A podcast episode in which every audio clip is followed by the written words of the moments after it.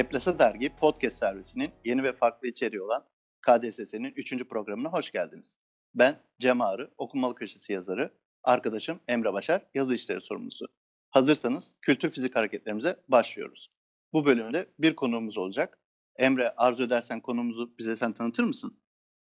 Tabii hemen tanıtayım. Herkese merhaba öncelikle.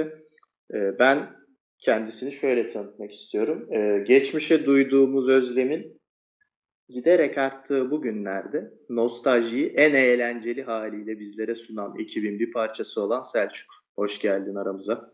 Hoş bulduk, iyi yayınlar. Selçuk hoş geldin, sefalar getirdin. Hoş bulduk. Programın rotasını önce Birinci Dünya Savaşı yıllarını konu olan Volker Kucher'in siyasi polisiye serisi Geronrat vakalarına değindikten sonra sizleri yakın geçmişe 2016 Final Four'una götürüp sevgili Emre ve e, Selçuk'un anılarına yer vereceğiz. Yazarımızın hakkında kısa bilgiler vermek istiyorum. Volker Kucher 1962 doğumlu, Alman dili ve edebiyatı, felsefe, tarih öğrenim görmüş. Aynı zamanda gazetecilik ve senaristlik yapmış. Yazarın tanınmasını sağlayan 2007'de çıkan Islak Balık kitabı sırasıyla Sessiz Ölüm, Goldstein, Waterland dosyası ve Mart Şehitleri. Cemsey ve Gülşin Wilhelm çevirmenlikleriyle iletişim yayınlarından yayınlandı. 2021 yılında son kitabı. İki farklı çevirmen olmasına rağmen çeviri ahengi yakalanmış. Hatta kitaplardan aynı lezzeti alıyorsunuz okurken. Volkan Küçer'in senaristlik yapmış olması kitapların ne kadar iyi kurgulandığını anlamamız için bir ipucu aslında. Olay örgüsü, zamanın dinamiklerine hakim oluşu, Nazi iktidarın yol haritası hakkında bize doyurucu bilgiler sunuyor. Geronrat vakalarında Kucher bir ezberi bozarak Goebbels, Adenauer, Hitler gibi isimleri kusus, e, isimleri korkusuzca serisinde yer veriyor. Emre, okuduğumuz diğer polisiyelerden ayıran en önemli özelliğin bu olduğunu düşünüyorum. Katılır mısın?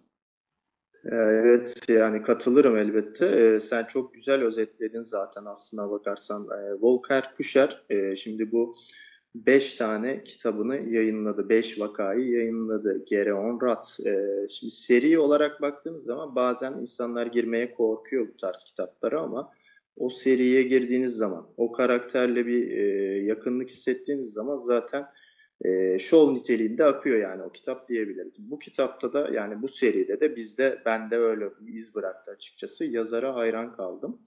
E, yani senin söylediğin gibi şimdi iki tane dünya savaşı yaşamış bir Almanya var sonuçta. Birinci Dünya Savaşı, ikinci Dünya Savaşı. Bu iki dünya savaşının zaten merkezinde olan bir ülke Almanya. Ve tam bu iki dünya savaşının arasına gelmiş e, ve bu şekilde o dönemde bir roman yazmış kendisi. E, ve yani müthiş bir tarih araştırması. Yani kendi ana dalının tarihi olmadığını belirtiyor ama e, yani hem tarih hem de siyasi anlamda e, gerçek senin de dediğin gibi gerçek karakterlere yer vererek e, olay örgüsünü oluşturuyor. Karakterlere bir hayranlık duyuyoruz. E, yani orada tarihi atmosferi yansıtırken e, geçmişten günümüze uzanan karakterler sunmuş aslında. Şimdi şöyle 29 Nisan e, da başlıyor. Yani Nisan 1929'da başlıyor daha doğrusu öyle söyleyeyim ilk vakayla başlıyor. Islak balık. Ben şöyle kitabı okurken daha doğrusu kitabı yani e, pandemi sürecinde bir öneri olarak sunmuşlardı.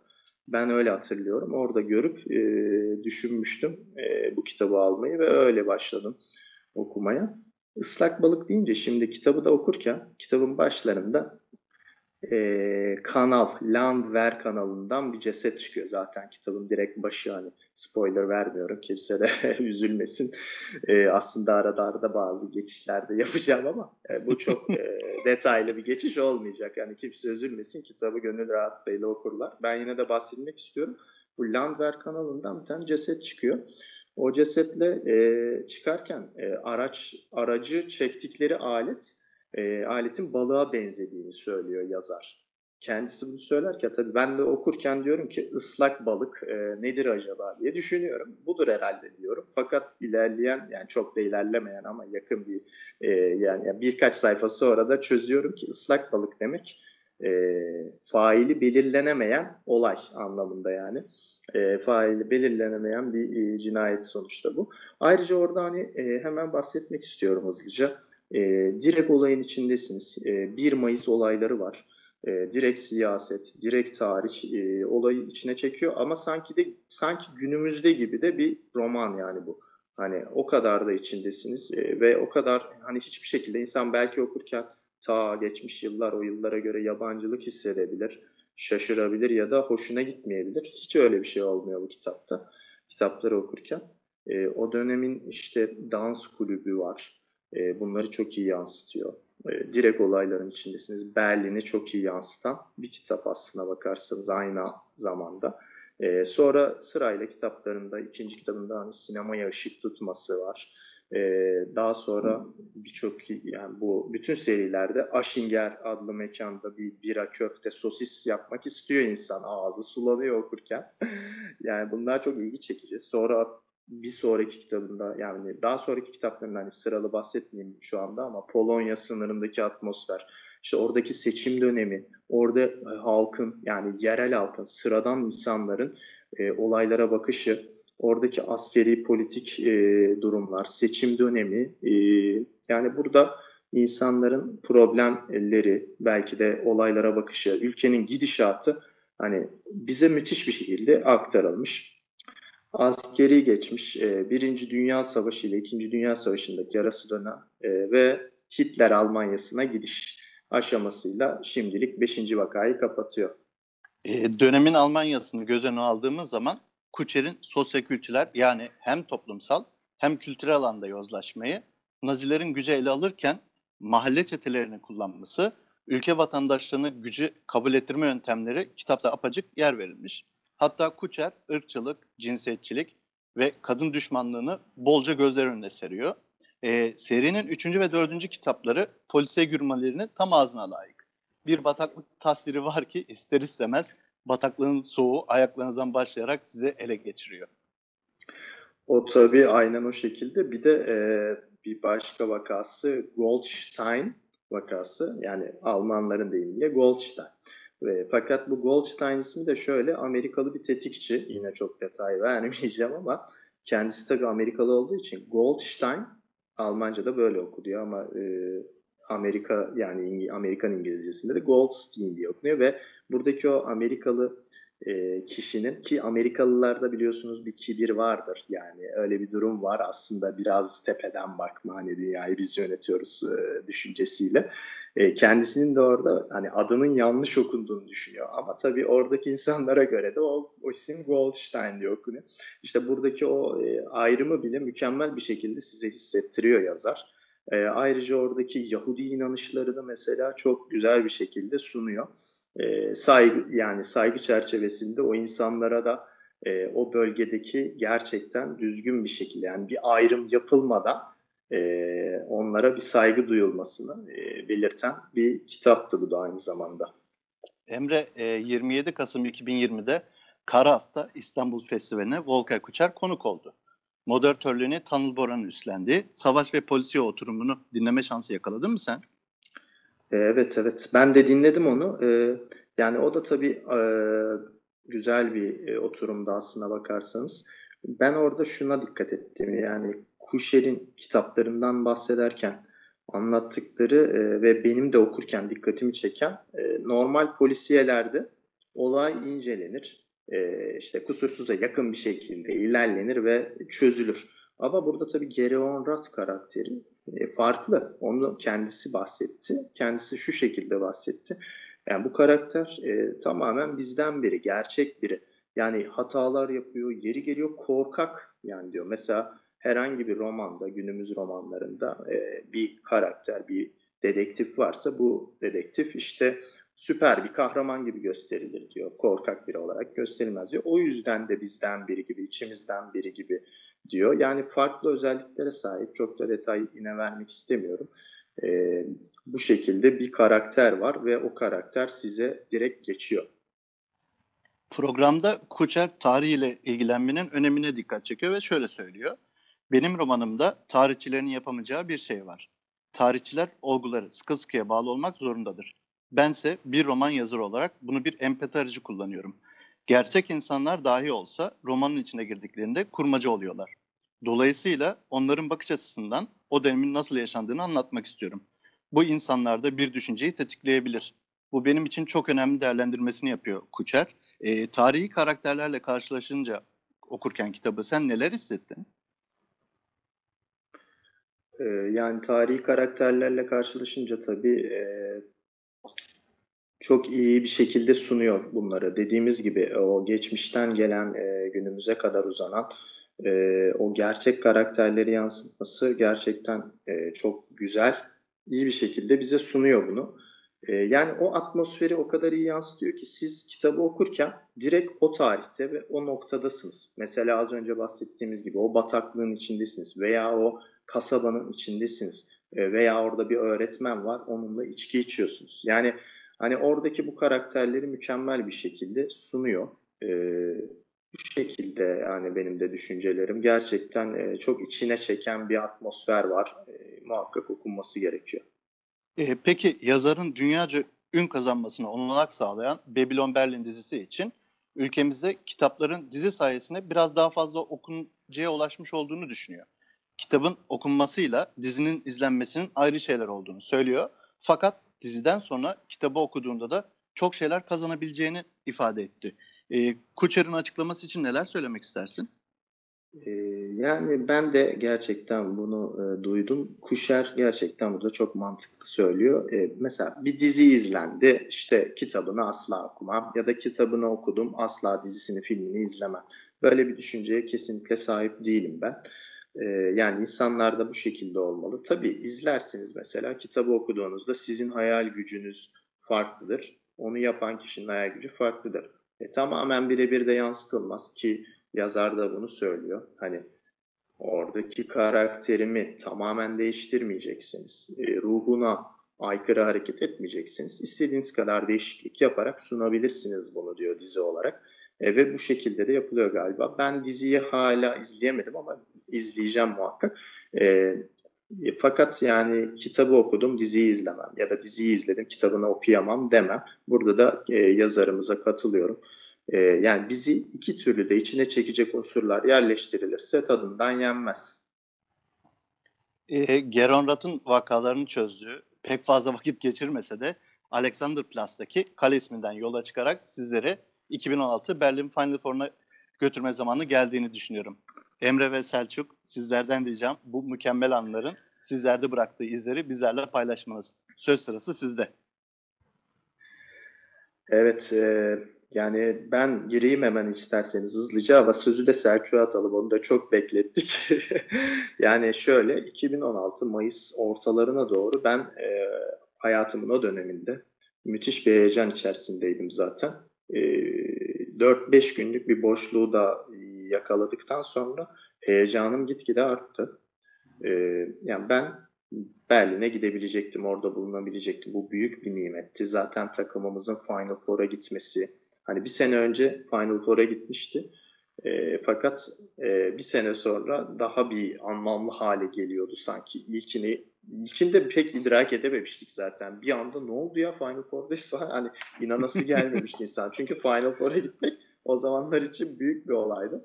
Fakat olayın gerçek olabileceğini idrak edip önümüzdeki sene yatırım yapmıştık açıkçası ve o senede 2016 idi işte. Ee, ben 13-15 15 Mayıs'ta Berlin'de olabilecektim. Hatta 12'si Perşembe bile varabilecektim. Yani kendime güzel bir e, plan yapmıştım ve vaktim de vardı. Ama tabii işte Selçuk'un durumu net değildi. O yüzden tek gitmek içimi vuruyordu açıkçası. Yani bir burukluk vardı. E, Berlin'e vardım, otele yerleştim. Yani her şeye rağmen içimde tatlı bir heyecan vardı. E, Perşembe akşamına dair pası Selçuk'a atmak istiyorum şimdi. Buyur Selçuk. şimdi senin de dediğin gibi sen bir gün önce gitmiştin. Ee, sen oradayken ben hala İstanbul'daydım. Gece seninle bir mesajlaşmıştık. Duygusal bir mesajlaşma olmuştu hatırlarsan.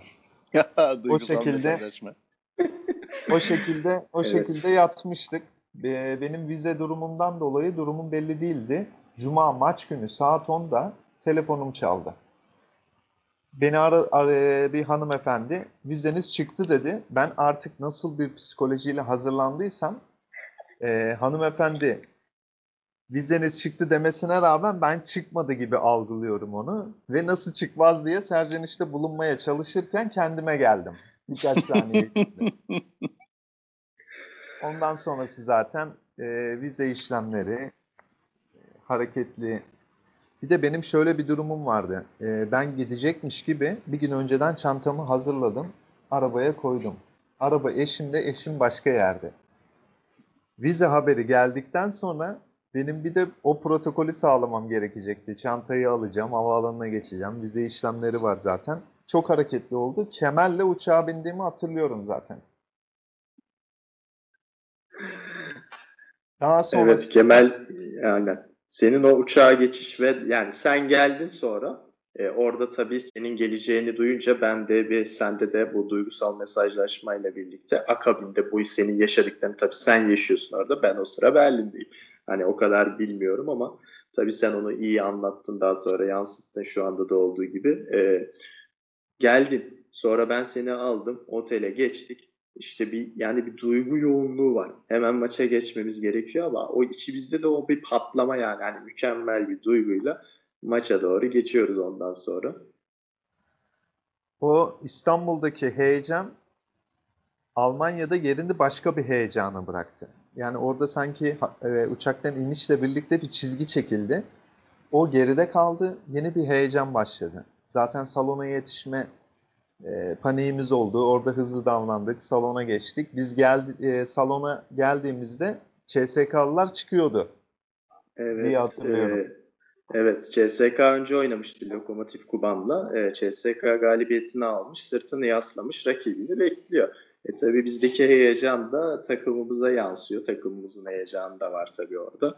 E, biz tabii orada Final Four, ilk Final Four'un heyecanını yaşıyoruz kendimiz açısından tabii Fenerbahçe'nin ikinci Final Four'u ama e, orada laboral maçıyla başlıyor. Zaten biz salona girdik e, ve 10-0 başlamıştı maç. Ben onu hatırlıyorum. Hu yani biz tabii herkes Fenerbahçe taraftar zaten Berlin hani Almanya'dan da gelenler olduğu için Türk taraftarlar bütün salon Türkiye gibi yani sonuçta Ataşehir gibiydi orası.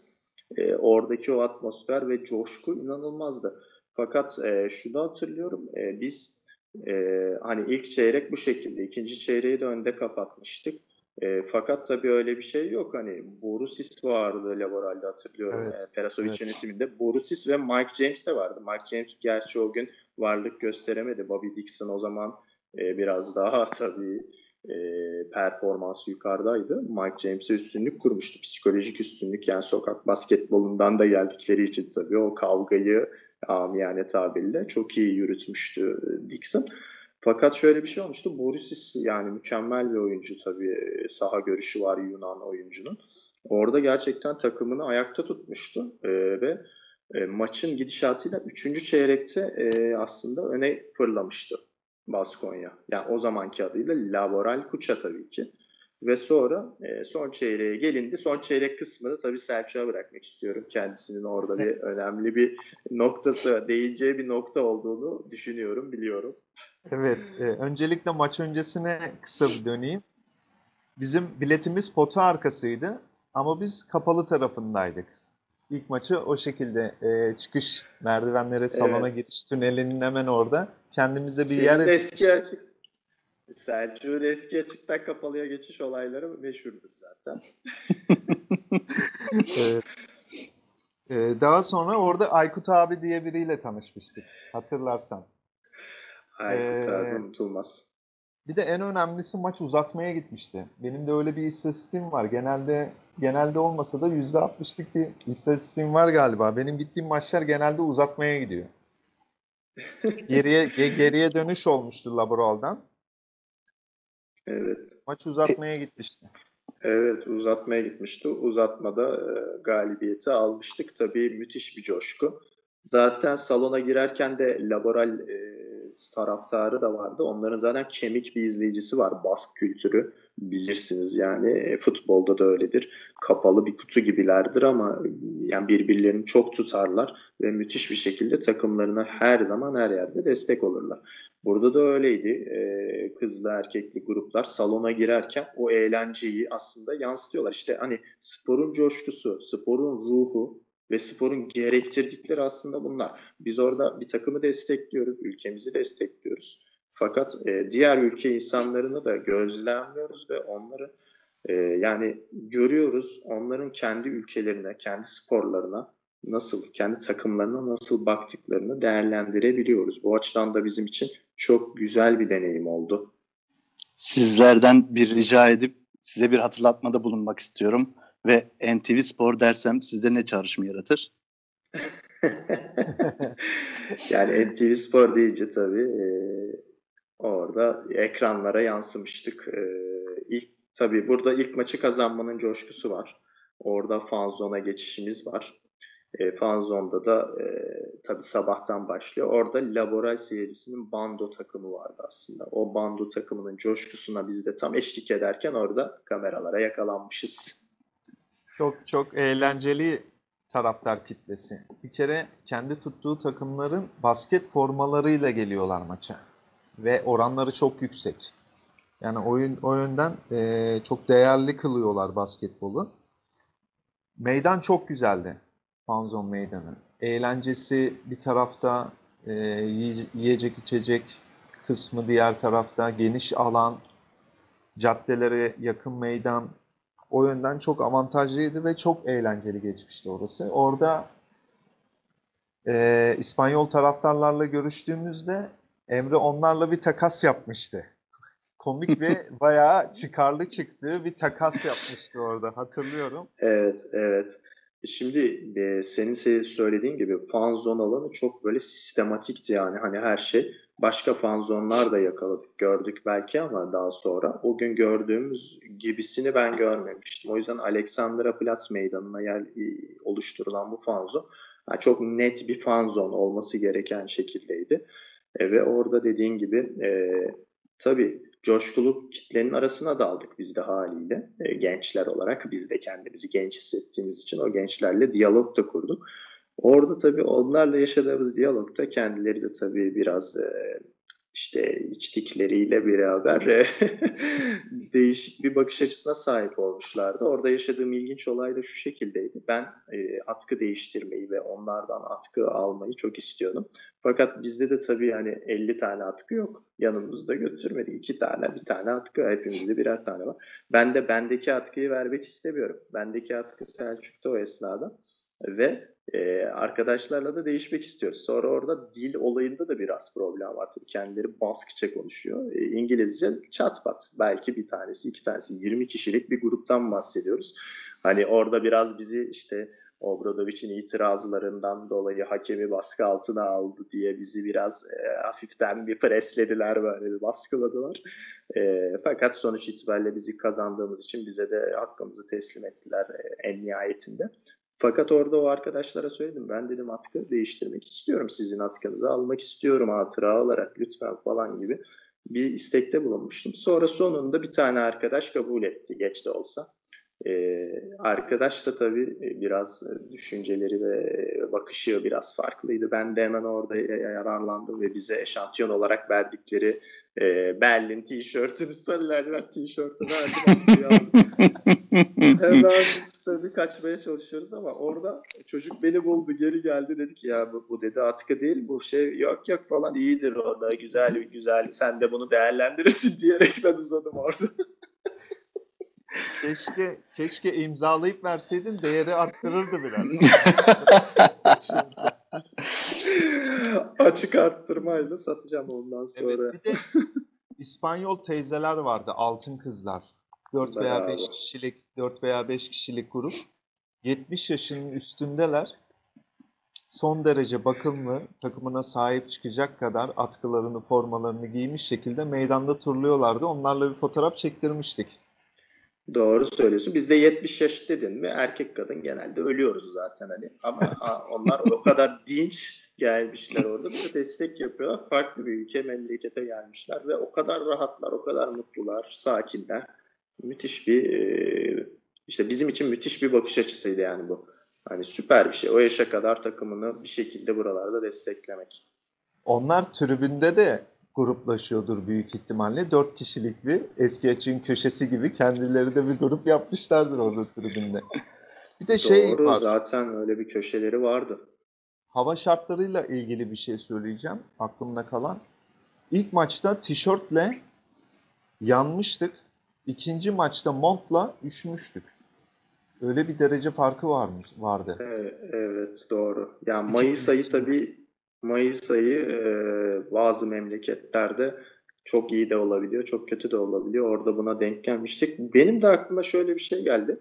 İlk maç dedin sen. İlk maçta Laboral maçı öncesi e, biz tabii o heyecanla e, işte salon önü yaptık, o atmosferi tattık. İçeriye gireceğiz. Fakat girmeden önce e, bizim Fenerbahçe taraftarlarından bir abimiz e, CSK'nın e, dansçı kızlarından birini gördü. Tabii CSK kazanmış. Dansçı kızlar hava almaya çıkmışlar dışarıya. Arkasında da e, ismi yazıyor hepsinin tabii giydikleri e, arkasında ve Maria ismini görüyor. Fakat beyefendi öyle bir seslendi ki yani Maria diye bir seslenişi vardı. Zannedersiniz ki kendisi yıllardır onu tanıyor. E, işte arkadaşı, dostu ne derseniz öyleymiş gibi hitap etti. O bizde tabii e, dillerimize pelesenk olmuştu. E, Onu da hatırlıyorum. Hemen paylaşmak istedim. Ben Heyecan. bir şeyi merak ediyorum aslında. Ee, turnuva boyunca totemleriniz oldu mu? Eğer olduysa bunu bizimle paylaşır mısınız? Totemleri Selçuk paylaşsın. Totem eee, vardı. Yani yarı finalde Aykut abi diye biriyle sarmaş dolaş olabiliyorduk. Eee, hiç tanımıyoruz kendisini. Bir de final maçının sonlarına doğru bir totemim olmuştu ama eee, onu da şeyden başlayalım isterseniz. Maçın başından doğru sonuna doğru giderken o totemi anlatayım size. Ha, tamamdır. Ee, Bekliyoruz. yani tabii e, final maçından ben biraz bahsedeyim o zaman. İlk başta final maçı tabii müthiş bir heyecan. Artık tabii CSK'da e, yani Teodosic, Nando De Colo ve diğer yani bu iki e, baş yani ayak diyelim hani e, müthiş e, bir etkisi vardı zaten. Hani Nando De Colo Lokomotiv Kuban'a 30-60 gelmiş zaten sezon içinde şov yapıyor. Yani e, müthiş bir şekilde faal kaçırmıyor. Hani e, yani o kadar etkisi büyük ki Teodosic tabii ki bir serseri mayın gibiydi ama tutturdu mu da inanılmaz bir etki. Tık tık tık biz zaten bir başladı. Maç 20. 20 ile başladı. Yani biz orada bütün taraftar bir şok oldu.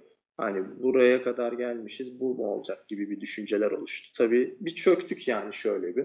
E, ne yapalım buraya kadarmış düşüncesi oluştu tabii ki e, maalesef. E, ilk yarının gidişatı bu şekildeydi. Şimdi Selçuk'a vereyim ben pası.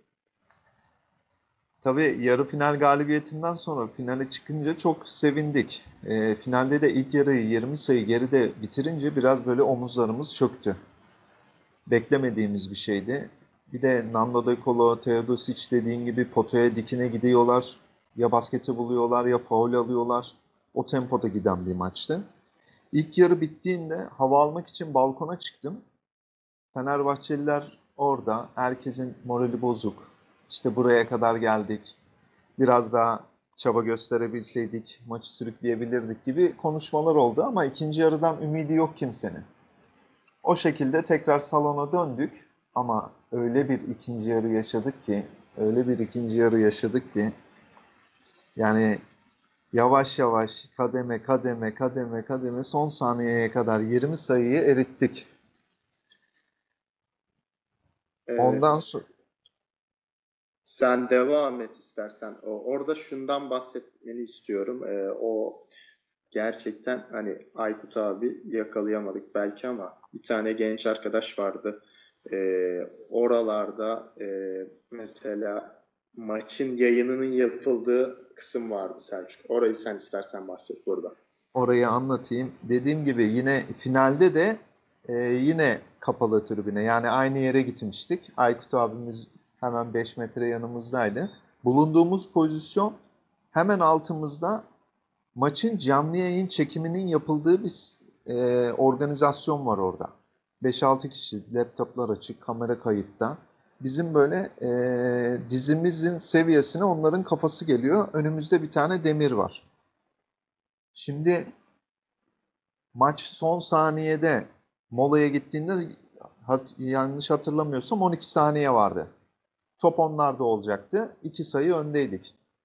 Orada molada şimdi e, önümüzdeki demir biraz sallanıyor. Orada şampiyonluk gelirse yani o demirin hızıyla e, canlı yayına direkt üstten giriş yapmayalım diye Ekrana biraz- abi giriş yapan yok. tabii ben biraz geri çekildim. Geri çekildim. Orada Almancı bir arkadaş vardı sağ tarafımda. Dedi nereye gidiyorsun dedi. Dedim ben de biraz geri çekileyim dedim.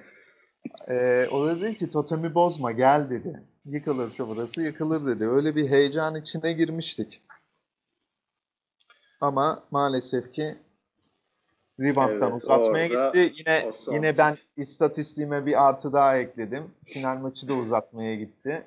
Doğru. Daha doğru. sonra ya Vesili'nin ikinci yarı oynamaması, hiç süre almaması, bir de maçın uzatmaya gitmesi eee, bizim savunmayı bayağı zorladı. Zaten dediğimiz gibi dikine gitti Nando De Colo. Her pozisyon Evet. basketi buldular. Ama gururluyduk. Kupayı alamadık ama gururluyduk. Evet orada Ekpe Yudoh'un da e, nefessiz kalması, kalana kadar mücadele etmesi. Yani takım artık bir yere kadar mücadele etti. E, ama gerçekten e, orada yaşadıklarımız e, bayağı bir bizi etkilemişti. E, final maçı sonuçlandıktan sonra dışarı çıktınız. E, oradaki atmosfer nasıldı yani? İnsanların e, bakış açısı, oraya ilk defa gelen sizin gibi insanlar da vardı. E, neler söylemek istiyorsunuz? E, Ben bu konuyla ilgili hemen şunu söylemek istiyorum. Güzel bir soru aslında. E, Etraftaki insanlar bu çok önemliydi. Yani biz oraya gittik. Sonuçta o atmosferin, o olayın içinde ilk kez bulunuyoruz. Çevreye bakıyoruz. Biz şimdi Türk olduğumuz için Türkler daha çok dikkatimizi çekiyor tabii. E, aynı zamanda orada Türklerin dışında Ruslar, e, işte Basklılar e, var. Yani Ruslar mesela gayet sakinler. Ama mesela benim dikkatimi çeken Türkler oldu. Ben Türklerden bahsetmek istiyorum. Diğer kısımlarda da Selçuk'a topu atacağım. Ee, Türkler mesela biz orada görüyoruz yani bizim hep hepsi bizden ama şimdi fark var aramızda yani. Bu insanlar kalantor. Biz öyle değiliz tabii. Şimdi iş bitirmeye gelmişler o da ya adeta. Hani ta- tak telefon çalıyor. İşte 5 5 dakikada te- işi bitiriyor. İşte atıyorum yarım saat konuşma yapıyor adam. Pro içiyor orada. E biz öyle değiliz. Biz orada en fazla biramızı içiyoruz. İşte etrafı yiyoruz. Yani lay lay falan en fazla bu yani. Bunu yapıyorduk. O ben Türkleri böyle gözlemledim. E, ama büyük bir eğlenceydi tabii. Diğer kısımları da Selçuk'tan dinlemek istiyorum açıkçası. Meydanda İspanyolları daha çok görmüştük. CSK'ları pek görmüyorduk. Zaten CSK'nın kemikleşmiş bir 500 kişilik ekibi var. Yani her Final Four'a 500 kişiyle gidiyorlar ve aynı 500 kişiymiş gibi hissediyorum ben. Daha sonraki senelerde de gördüm. Sanki hep aynı insanları görüyorum gibi. Maaşı çalışan bebekler gibi. bile aynı. Ee, onun dışında şöyle zaten 15 bin kişilik bir salon vardı. Bunun 13 bini Almancı Türklerle Türkiye'den giden Türklerle birlikte 13 bin Türk vardı. Belki biraz daha fazlası vardı. Türkler çoktu. Ee, onun dışında salondan çıktıktan sonra şöyle bir anım var benim. Moralimiz bozuk, gururluyuz ve yorgunuz. Ve kafamız karışık, düşünceliyiz. O şekilde yürüyoruz trene doğru. Karanlık. Bir mesafemiz var bir kilometre kadar. Oradan yürüyoruz. Bir tane Almancı arkadaş yanımıza yanaştı. Benim sağıma doğru girdi. Dedi ki Vesili dedi, ol, Vesili dedi e, 12 tane serbest satış kaçırmıştı e, ilk yarıda. E, o serbest atışlardan 3-4 tanesini atsaydı eğer biz kupayı almıştık diye serzenişte bulundu bize doğru. Ben de şöyle döndüm. Çok da konuşacak durumum da yok aslında. Arkadaşa dedim ki sen dedim herhalde burada yaşıyorsun dedim. Evet dedi. Biz dedim İstanbul'dan geliyoruz dedim.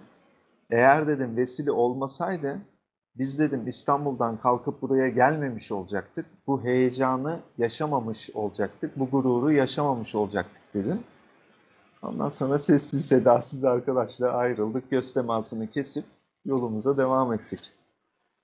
Umarım bu ona bir ders olmuştur diye de düşündük. Tabii Evet, emin evet, olamamakla evet. birlikte. Yani orada kupayı alamadık sadece. Onun dışında her şey mükemmeldi. Her şey mükemmel. Güzel anılar Evet. yaşadık orada. Ben de hemen şunu söylemek istiyorum. Dediğiniz gibi oradaki anılar yani kupayı alamadık, döndük. E, metrobüsle eve doğru giderken bile bunları düşündük. Ama yani Berlin dönüşü e, öyle bir şey vardı ki yani o kadar üzgün olmamıza rağmen sanki bir parçamız bir sene sonra o kupayı alacağımızı hissetmiş. Daha nerede olacağı ya da bizim olabileceğimiz belli değilken bu his vardı içimizde. Yani takımımıza olan bu e, gurur kaynağı e, olayları gerçekten burada başarabileceğini inandırmışlardı yani. O güzel bir mücadeleydi. İşte sporun ruhu getirdikleri diyoruz. Orada da onu yaşamıştık. O zaman ben de hakemlere bir mola isteği gösterisinde bulunup e, sizlerin dillere destan bir Gaziantep deplasmanı var. E, bunu aslında yok. Bizimle paylaşmanızı istiyorum sizinle. Evet aslında yok ama devamı sizde. Trajikomik e, bir hikayeydi o. Gaziantep deplasmanına gidecektik. O senelerde biraz gidiyorduk deplasmanlara. Sıra Gaziantep'e gelmişti. Gaziantep deplasmanın hafta içinde Ocak başından rezervasyonumuzu yaptırdık. Her şey hazır. Maça gideceğiz. Fakat bilet basılmıyor. Bileti alamıyoruz. Ama onun dışındaki bütün aktivitelerimizin rezervasyonu hazır. Maça iki gün kala kulübü arıyoruz. Bilet çıkmadı diyor. Bekliyoruz. Perşembe günü oldu. Gaziantep'in seyir, sahası kapanmış. Seyircisiz oynanacakmış maç. Gaziantep'in tarihinde bir araştırma yaptıktan sonra e, Gaziantep'in bu seyirci cezası ilk seyirci cezası olduğunu öğrendim. o daha da moralimizi bozmuştu. Daha sonra maç günü aslında Ocak başındaki abi de beni aradı. Ya dedi sizin rezervasyon vardı dedi gelmiyor musun dedi. ben de dedim ki yani stat kapandı kapanmasaydı seninle tanışmayı isterdik diye konuşmuştum arkadaşlar. Al sana totem. Evet, evet, evet. Ama en Şöyle, azından yemekler düşünülmüş. Evet evet. O ilk sırada. Daha bileti almadan Ocak başını düşünüyoruz orada. Berlin'le ilgili küçük bir şey söylemek istiyorum ben. Ee, öyle bir heyecan yaşadım ki orada. Yani ben 6 yaşından beri maçlara giden birisiyim. Ee, orada öyle bir heyecan yaşadım ki psikolojimde değişiklikler bile oldu hatta benim. Normal hayata döndüm ama hep kafamdan atamadım o heyecanı. Eylül ayında futbol maçları başladı. Ben 3-4 haftasında kafamı toparlayıp da adapte olamadım futbol maçlarına. Nasıl bir heyecan, nasıl bir tempo. Yani ömrüm boyunca unutamayacağım bir Berlin macerası olmuştu benim. Evet, e, yani Berlin'le ilgili bu anılar, bu olaylar gerçekten bizde etki bırakmıştı ve ben de hemen tekrar programımızın başına dönmek istiyorum. Gereon Rath'tan bahsetmiştik. Şimdi kendisi Kölnlü biliyorsunuz ya da işte okumayanlar da öğrenecektir. Köln'den kalkıyor ve Berlin'e geliyor. Şimdi e, yani bu anlamda şöyle de bir ilinti kurduk açıkçası. Yani ben kurdum. Bu sene de Final Four Köln'de oynanacak.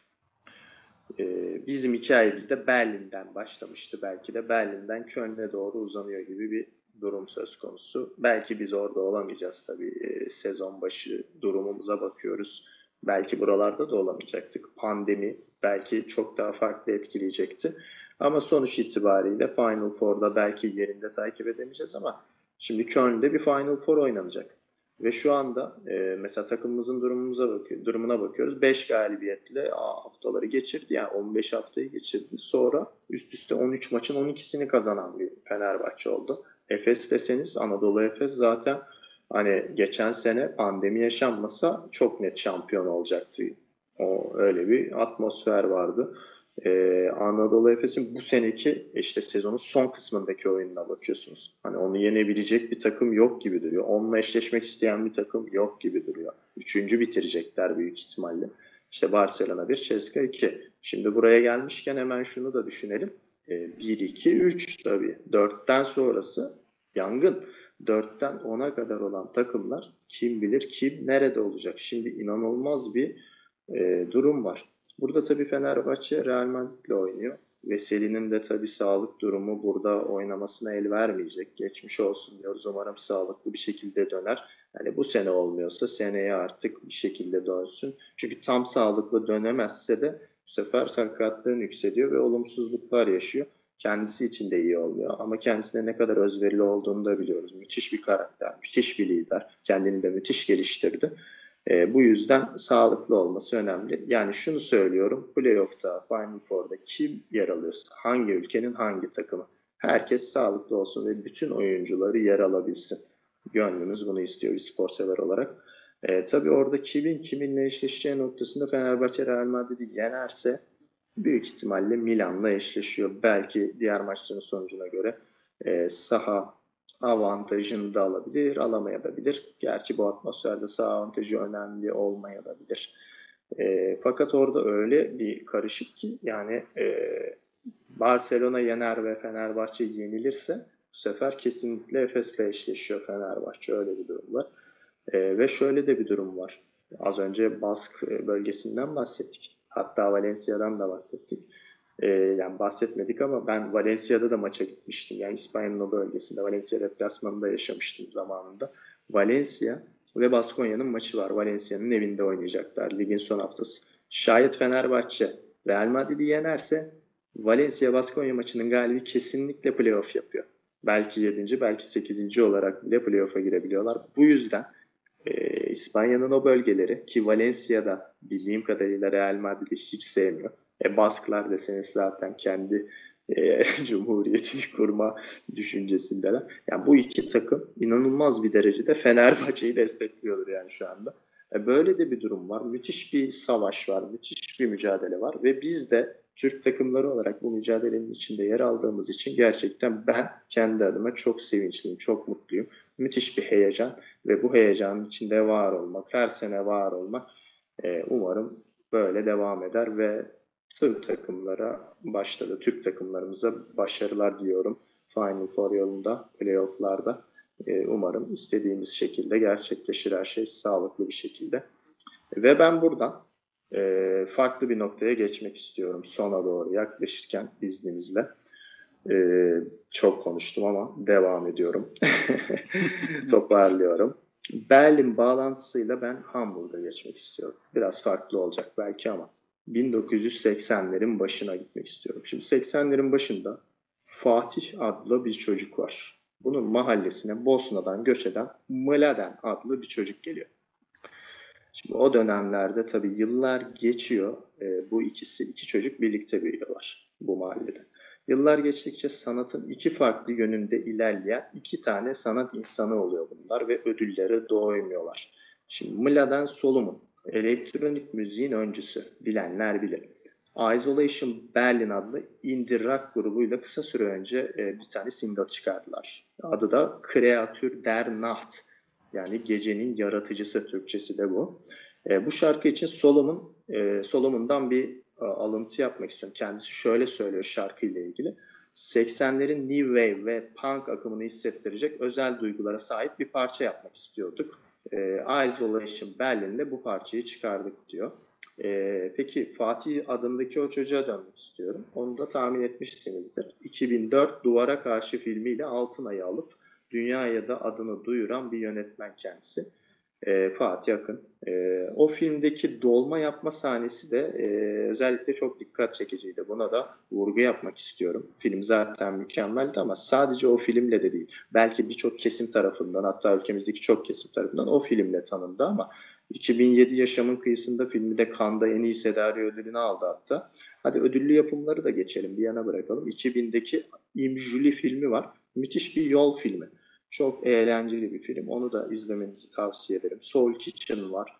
E, o da çok hoş filmdi. İşte kimisine soruyorsunuz. Diyor ki Chico diye bir film var. Benim hayatımın filmi diyor mesela. Yani bu filmi de Fatih Akın yapmış. Yani herkes de bir iz bırakmış kendisi aslına bakarsanız. Tam olarak bizden, halktan, dünya insanı diyebiliriz.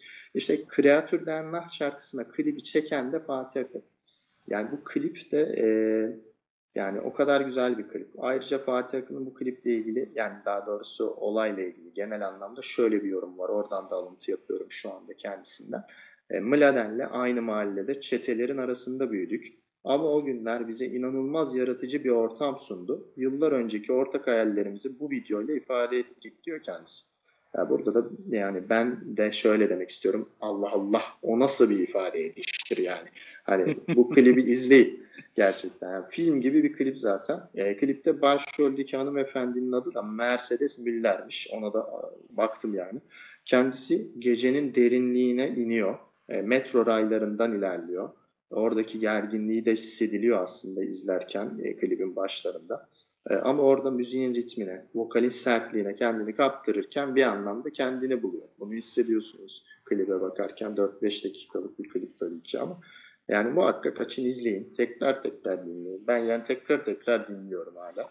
Ee, yani diyerek de veda etmek istiyorum. Burada tabii Selçuk'a verdiği değerli katkılardan dolayı, e, Berlin'le ilgili o anlarından bahsettiğinden dolayı ayrıca çok teşekkür etmek istiyorum. Cem sana da teşekkür ediyorum. Dinleyenlere de teşekkür ediyorum. Biraz uzattım gerçekten. Ben Tekrar teşekkür ediyorum. üzere. Çok, çok güzel, keyifli bir sohbet oldu. Ben teşekkür ediyorum. Selçuk programımıza katılıp e, değerli anılarını bizlerle paylaştığınız için biz de teşekkür ediyoruz tekrardan. E, Kültür, Deplase, Sanat ve Spor'un bir başka programında görüşmek dileğiyle. Hoşçakalın.